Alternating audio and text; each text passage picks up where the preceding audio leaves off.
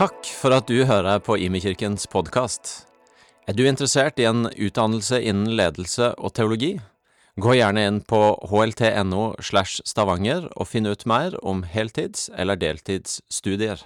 Uh, so, uh, Preacher Sunday. So, we have been doing something for the last two years uh, here in the house called Preach Club, uh, where we gather. This year it's been so far nine uh, wonderful people, uh, where we gather on Tuesday nights, Elling and I, and we meet and we go over a text. We go over the word together. And the heart is, is that we're sharpening one another, we're encouraging one another, we're encountering the text. Where's the tension in the text? What is the story of the text? Uh, what is the heart of the text and message uh, so that we can craft a story, we can craft a sermon worth telling? Uh, so if you missed G11, uh, don't worry, you're here now. Amen. and those listening on the podcast. But uh, so today we have Inghild, Arden, and Pius. Uh, they're going to be preaching today. Uh, they did so wonderful this morning. It was really encouraging to hear uh, each of them and the, the heart of the message uh, that God's given them and put on their heart as we go through uh, Lucas 2, uh, Luke 2, in the message tonight. so I want to make sure that I didn't miss or forget anything before we continue on here. Um, but if you're needing translation, two of them will be preaching in English. Så hvis uh, du trenger uh, engelsk til norsk oversettelse, uh, du kan grab some headsets, hovedsettet, back by the sound desk. hvis du er international og elsker engelsk, or if you're international, you love English, then you're in for an additional treat tonight and having some English from the stage this evening. so I'm going to go ahead and read from the text. so it's going to be Lucas 2. jeg leser på norsk. Help me, Holy Spirit.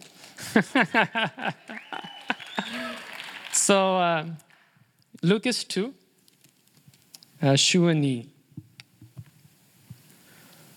Herre, nå la du din tjene fare herfra i fred, slik som du har lovet, for mine øyne har sett din frelse, som du har gjort i stand like for ansiktet på alle folk, et lys til åpenbaring for hendingene og ditt folk Israel til ære.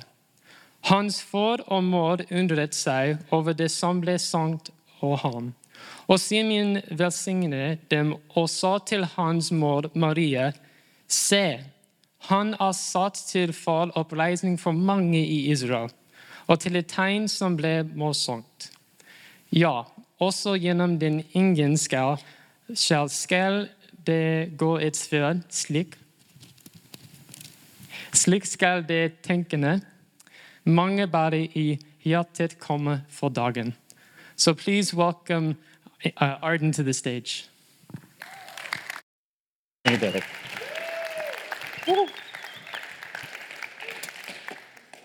Hello. Praise God. I thank God for giving me an opportunity to speak and reveal this wonderful message that He revealed to me. But first, I want to share a very short story of my personal story. Way back uh, November 2010, my father was diagnosed with a stage 3 lung cancer.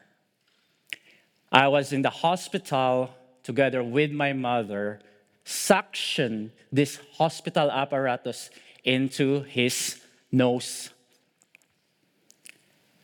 praying and hoping that he will revive.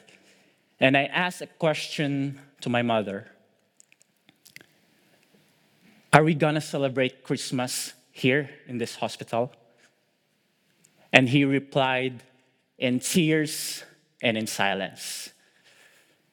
So that is why I titled this message A Celebration of Our Salvation.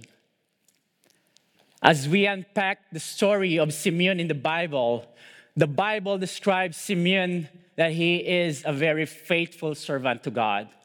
He practiced righteousness into the temple, going out and in and praying to God.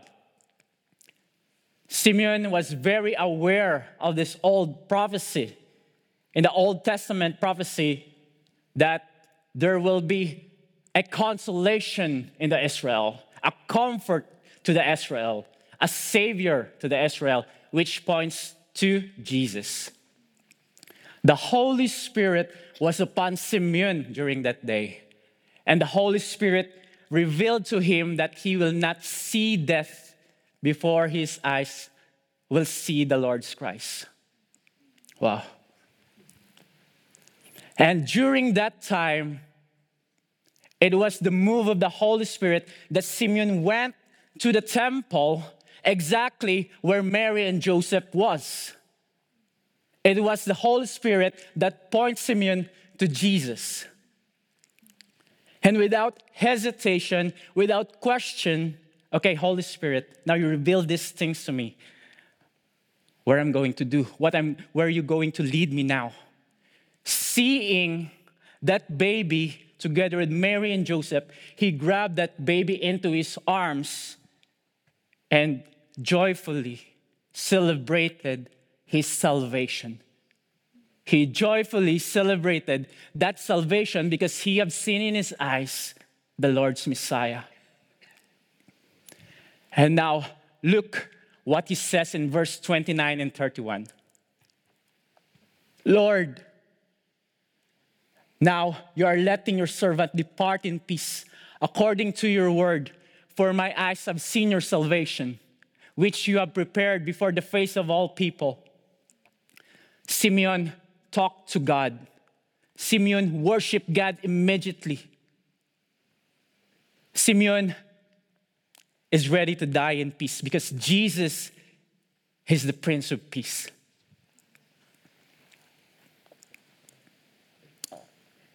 In 400 years, the Jews did not hear from God. The Old Testament prophecy state that there will be a Messiah who will bless the nation of Israel. But they did not pay attention that that prophecy is also stating that salvation is for the world, including the Gentiles. Many think that Jesus will save the Jews, but no, salvation is for you, for me, and for us. No matter who you are, no matter where you are, what color of skin you are, you are included in God's kingdom. You are included. For you are part of the salvation. Therefore, you and I should celebrate genuinely and passionately. Now, question. I want to challenge the congregation with this question for them, for you to ponder in your hearts.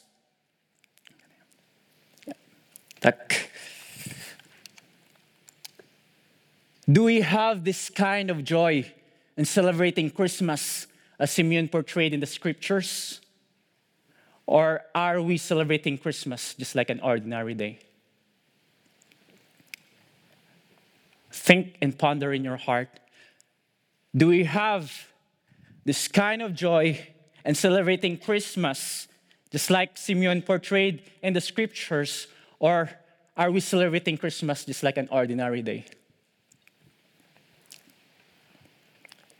And here's the last part the connection of my story. My father passed away. My father, I saw him last December 23, 2010, the day before Christmas starts, sleeping in that coffin. I am so broken. I am in tears, for I don't have the spirit to celebrate Christmas during that time. But thank God, for He comforted me last year. For in this place I received the salvation I started to follow Jesus Christ as my Lord and Savior last year here in this place. You have a different story. That is my story. But even in joy or in sorrow, we must not forget to celebrate our salvation that God give us this unfailing love through Jesus Christ. In our culture today, we miss this kind of celebration we tend it that it's a normal day for us, having this preparation and everything. But no, it's put in our heart that this season, hey, I'm going to celebrate Christmas with full of joy. I'm going to celebrate Christmas with a twinkling in my eyes because I have my salvation and you have received the salvation. Yes, for I am celebrating Christmas because it is a celebration of our salvation. So let us focus our eyes to Jesus. Let us focus on what he did, that he was here on earth with us, and together with us, he lived. And as the scripture says in John 3:16, for God so loved the world that he gave his only begotten son that whoever believes in him will not be perished but have an everlasting life. My brothers and sisters in Christ, let us celebrate genuinely, joyfully, and passionately and worship God because He is the Creator, our Almighty God. For Simeon, showing and remembering when he received his salvation, he celebrated joyfully. For in Christ, we have the light, we have the salvation, and in Him, we have only hope. Praise the Lord.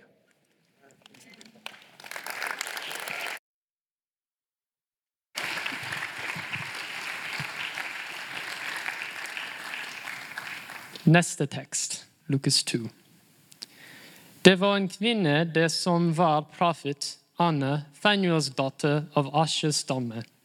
Hun var langt oppe i adene.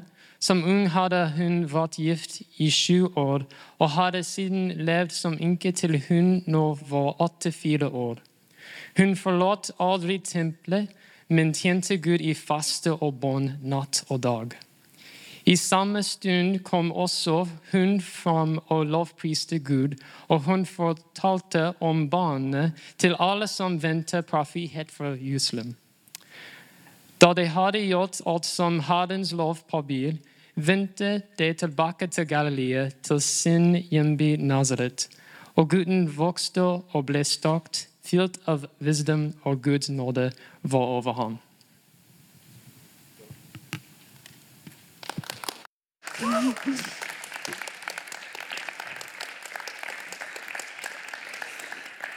Takk for det. Hei, jeg heter Inghild, for de av dere som ikke kjenner meg. Og for eh, ett år siden så gifta jeg meg. I fjor sommer. Det var et veldig godt valg. Eh, og siden den gang så har vi stifta familie.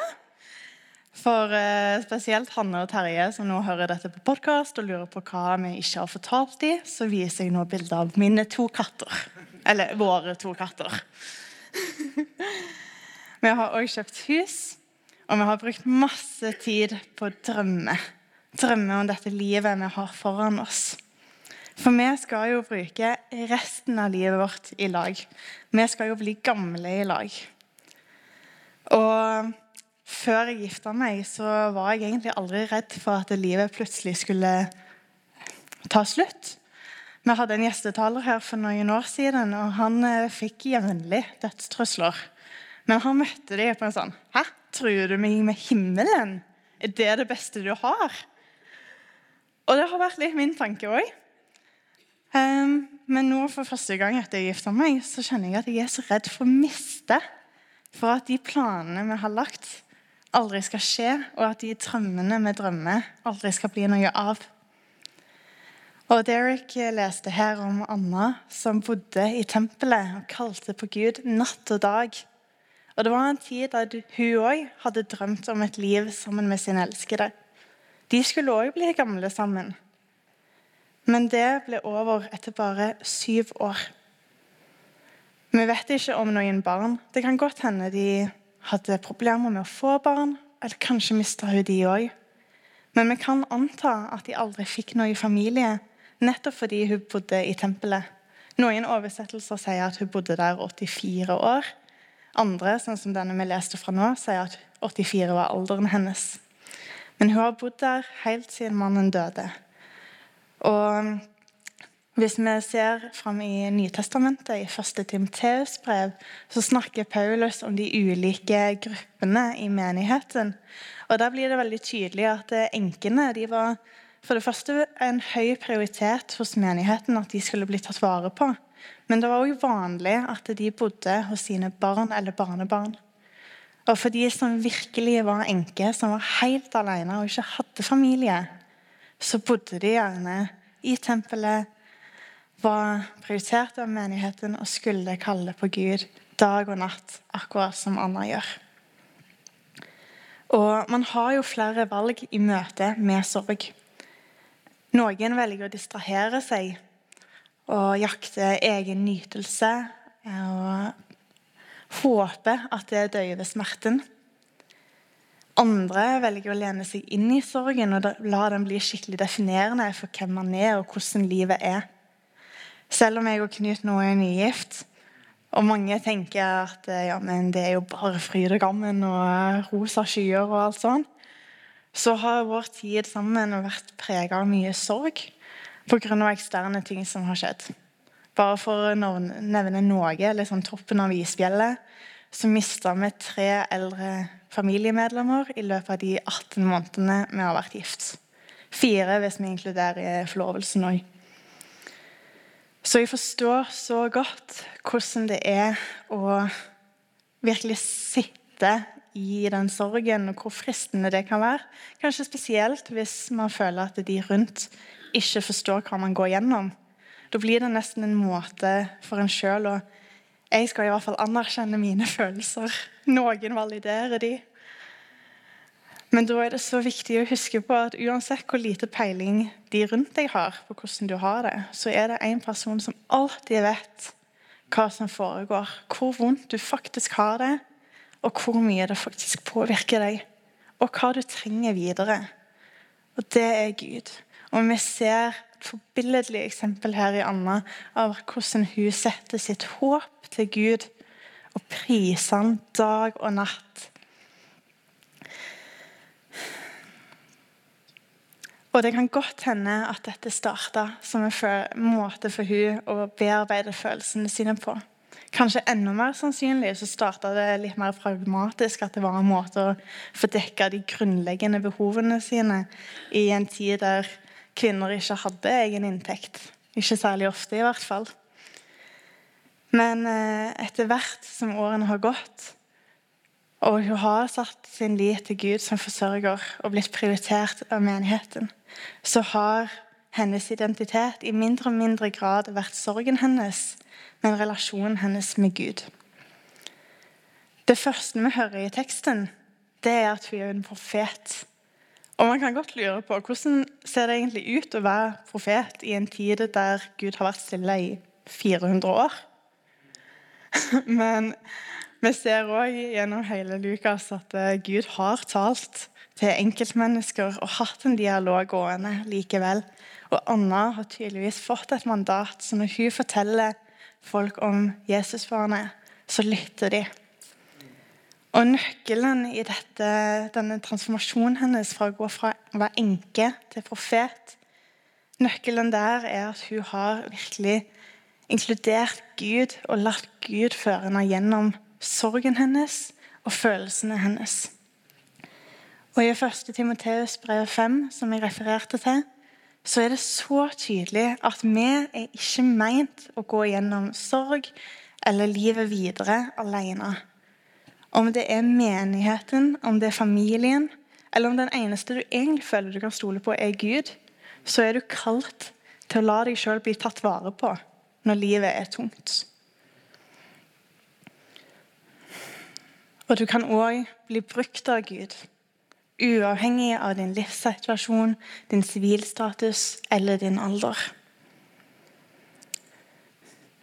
Og nå kommer vi jo en spesiell tid i møte. Mange synger om at dette er den mest vidunderlige tiden på året. Men for andre så kan julen bli et forstørrelsesglass på alle de følelsene som egentlig er ganske vonde. Og hvis du kjenner at det er deg, så er mitt spørsmål til deg i dag hvem er det du kan lene deg imot? Hvem er det du kan bli tatt vare på av? Og hvordan ser det ut for deg å sette ditt håp til Gud? Og Kanskje dette ikke er deg direkte, men du vet om noen som går en tung juletid i møte. Da blir spørsmålet mitt til deg hvordan kan du være menigheten som prioriterer enka, som prioriterer de som sørger og har det vondt? Ta vare på hverandre denne juletiden, og la deg sjøl bli tatt vare på.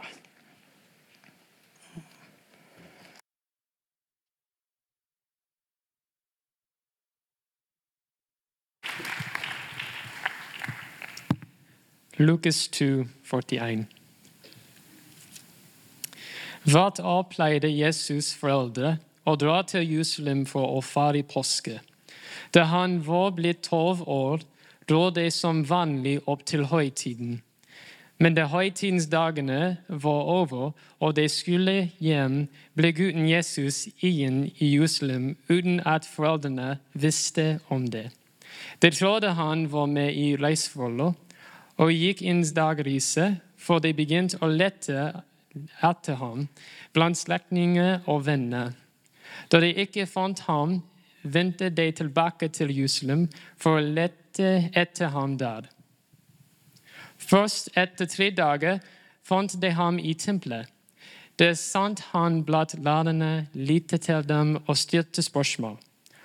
Alle som hørte ham, undret seg over hvor forstandig han var og hvor godt han svarte. Da foreldrene sa ham, ble de slått av undring, og hans mor sa, 'Barnet mitt, hvorfor har du gjort dette mot oss?' 'Din far og jeg har lett etter deg og vært så redde.' Men han svarte, 'Hvorfor lette dere etter meg?' Visste dere ikke at jeg må være i min fars hus?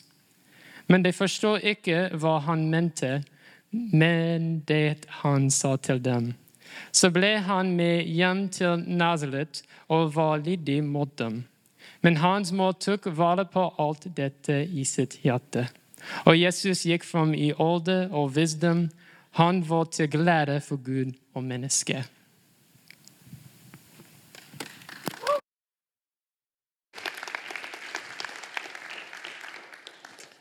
Amen. Amen. Are you happy to be here? I like it. It sounds like an African church. amen, amen, amen. So today we have a little glimpse of um, uh, into the life of Jesus. Jesus at 12 years old, and I want to um, I want you to imagine a little bit. Okay, imagine that Jesus lived in Stavanger, and he went to Open Himmel in Grimstad. How does that look like? The reason why I'm saying we need to imagine a bit is simply because we, we haven't heard a lot about Jesus' life. After he was dedicated in the temple and he was taken home, there was total silence until this moment, where we hear that his parents at 12 years old bring him to Jerusalem. So before then, we have never heard anything. So it's important that we are also part of the story. So imagine that Jesus lived in Stavanger and his parents are in Imi Church and they are great fan of uh, great fans of Open Himmel. So they decide that this time you are old enough to come with us to Open Himmel. Um, in European context, you travel a lot, but in African context, we don't travel that much. So I can totally understand why he had to wait until 12. My first trip, I couldn't sleep the night before. I couldn't. And so imagine the excitement of Jesus. He was definitely excited to go to Open Himmel. So, yes, let's go to Open Himmel. What should I pack? He packs all his stuff. And interesting that he is still excited even though they are going to walk all the way to Open Himmel. They don't have Teslas as we do today. If you were rich, you went by a donkey. Welcome to the African life. so they had to walk all the way to Open Himmel. What dedication! What will take you to walk all the way to Grimstad for Open Himmel? But that's what they did. And anyway, they got there, they had good fun, they had Van Craig, they did all their stuff. After a week, the parents were tired. They're like, okay, let's go back home. So they come back, and they were expecting Jesus to come back, but Jesus had a different plan altogether. Jesus, while in Grimstad, decided, I want to stay more in Grimstad because this is a very beautiful city. It's a very wonderful place. I love the experience. I want to have more of it. So he decides to stay. But his parents didn't know anything about it. That's interesting. So they turn around, they walk all the way, and they get to Egersund or something like that, and they were like, oh, let's take a rest. let's take a rest. Let's get some ice cream. You know, they go to their shop, and then they are like, Jesus must be hungry. Let's look for him and give him some food. And they start looking for him, and they couldn't find him. Where is Jesus? Is he lost? They start going to family and friends, and they ask, Was Jesus with you? We thought he was with you. It was normal that the kids took a lead in that time. They looked for him and they didn't find him. Then the story turns around. So, first, they have been to the temple, to Jerusalem for Passover, to Grimstad, to have opened Himmel, where they have met God. They have sung and they have done all the wonderful things that when we gather here we do. Amen. Amen. And then life turns around. But what strikes me is actually the, the, the part that Mary and Joseph were so relaxed, thinking that he was with their family members. And so they took their time. And after a day, they realized their son was not there. That's very interesting. So don't be surprised if somebody next to you is going through a difficult time and, you know, they, ha- they are good Christians. They do all the things that we do. They have been to open Himmel, and immediately tragedy strikes, just like Mary and, and, and, and, and Joseph. And they have to turn around. And they have to go back to Jerusalem a second time. So I, I, I look at this and I think they have been to Jerusalem three times, or they have been to the presence of God three times. And I want to talk about the first one that is the communal going where they all go together. The scripture says they went with family members, they went together with some neighbors, and they went to be in the presence of the Lord. And that's great. It's wonderful to come here as community. But there is a second coming as well, as we see in Mary and Joseph's life. When they realized that Jesus was not with them, it was time to turn around. Amen? As Christians, there are times when we would have to turn around. There are times when we would have to retreat. There are times when we have to go back to the temple, to Jerusalem, to go and seek God again. You know God, you have been praying, you know His word, but there is a second knowing as well. Amen. There is a second level which is a bit deeper. And some of us, tragedy will bring us to the presence of God. Difficult moments will bring us to the presence of God. But others, not the same. Like Jesus, he made a personal decision to stay in the temple. But for Mary and Joseph, it was not such a personal decision, it was a circumstance. It was because Jesus was lost. So they had to go back and look for Jesus. Let's see how that ends. So Mary and Joseph take another day's journey back to Jerusalem, to Grimstad, and they go to the campgrounds and they start looking for Jesus. They go room to room and they don't find him. They go from house to house and they don't find him. Imagine what they are going through. I can imagine, at least what I've seen of some African mothers. They start crying and they start mentioning their son or daughter's name. Have you seen my daughter? Even when there is nobody to hear them. Maybe that is where they were. But if they were faithful enough and they knew that God had spoken, God had declared something about Jesus, and that He had a purpose and a plan, and therefore it was not possible that He would be lost, then they will be relaxed. They will be very relaxed, and, and they will just say, I know God is with us because God has spoken. We know and we believe in the word of God. And so they will be very relaxed and just go from home to home. And eventually, the Bible doesn't tell us how, but they ended up in the temple. They went to the temple, and ta da! There was Jesus. Amen. There was Jesus. All of a sudden, they find Jesus in the temple. And I asked myself, why did they have to take them three days to figure out that Jesus will be in the temple? Ah, I couldn't get it. I don't have an answer to that. But it's interesting that finally they go to the temple, to the Father's presence again. Sometimes you have heard from God, sometimes you have encountered God, but there is a second encounter that is deeper. There is another encounter that will bring a solution. Amen. So there are times when you have prayed and you haven't heard God. You have prayed and nothing have moved. Can I tell you to go back and pray again? Can I tell you, can I encourage you to go back to God again and begin to ask questions? Because Mary and Joseph, they went there to say, We are looking for our son. I don't think they knew that he was there. They were probably going to pray. They were like, We are tired after three days of walking. Where else can we be? We need to go back to the Father's presence. Can I tell you that that's a good place to be? It is.